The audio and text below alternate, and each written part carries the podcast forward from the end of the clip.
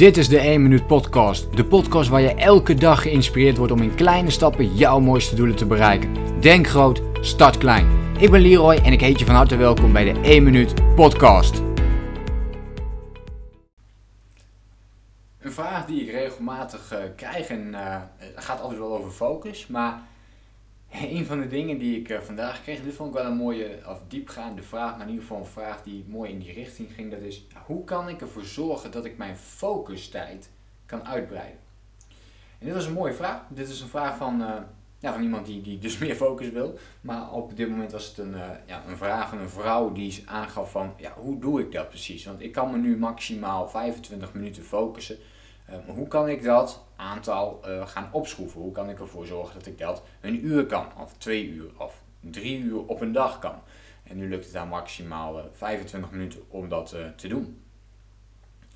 En ja, ik denk dat het, het is een goede vraag.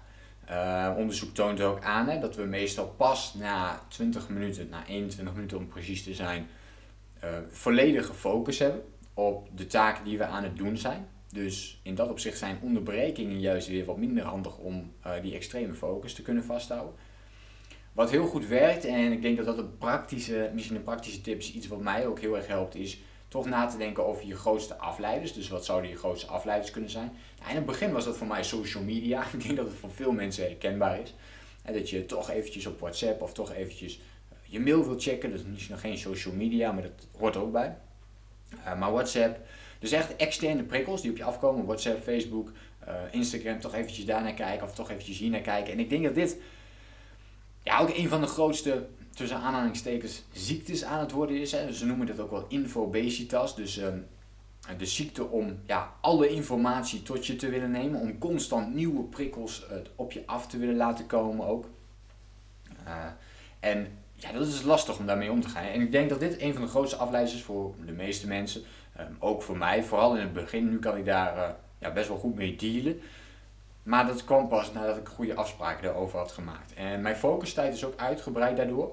Doordat ik echt aangeef bij mezelf, met social media bijvoorbeeld ook, dat ik echt pas na het werk, en daarmee bedoel ik eigenlijk na het avondeten ook, dus na 6 uur laten we zeggen, na 6 uur, mag ik voor mezelf pas op social media kijken. En ik heb er nog wel weer aparte afspraken over, maar bijvoorbeeld ook op, en met social media, maar ik bedoel dan ook WhatsApp. Hè. Bijvoorbeeld WhatsApp doe ik ook eigenlijk alleen maar in de avonduren. Tenzij je natuurlijk weet van oké, je gaat een afspraak maken enzovoort en je moet eventjes op dat moment uh, iets vaker kijken, dan is dat iets normaals. Maar uh, mijn vrienden, uh, mijn vriendin, maar ook mijn familieleden weten dat ik over het algemeen alleen in de avond reageer. En als je jezelf daaraan kunt houden om dat te doen, dan gaan mensen dat erkennen, weten ze dat. En dat levert nog wel een extra voordeel op, omdat is dat mensen iets eerder met jou gaan appen uh, als ze een afspraak willen maken. Omdat ze weten dat het dus iets langer duurt. En op die manier laat je de externe prikkel meer, ja, krijg je meer invloed op die externe prikkel wat die gaat doen. En dan kan het zijn dat je te laat reageert op een berichtje.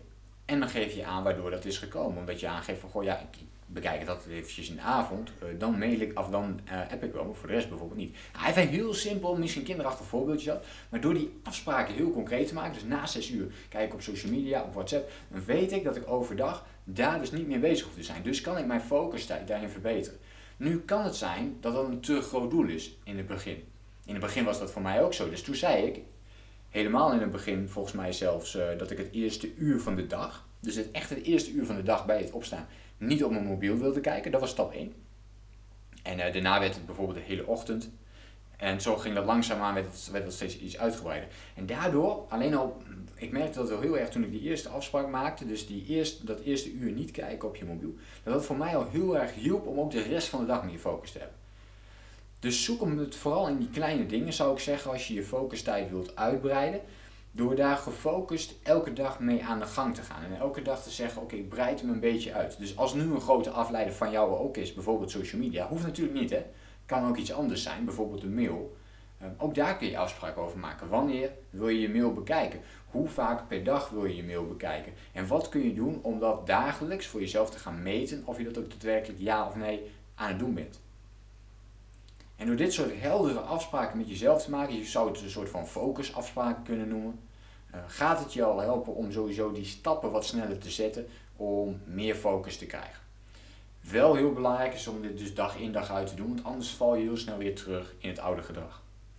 Ik hoop dat je hier iets mee kon. Uh, laat me vooral even weten wat jij gebruikt of wat jij toepast om meer focus te krijgen. Uh, vind ik interessant om te weten. Laat het me weten in een reactie op deze podcast via social media of op wat voor andere manier dan ook. Je weet me wel te vinden. En dan hoop ik jou de volgende keer weer te spreken. Denk groot, start klein.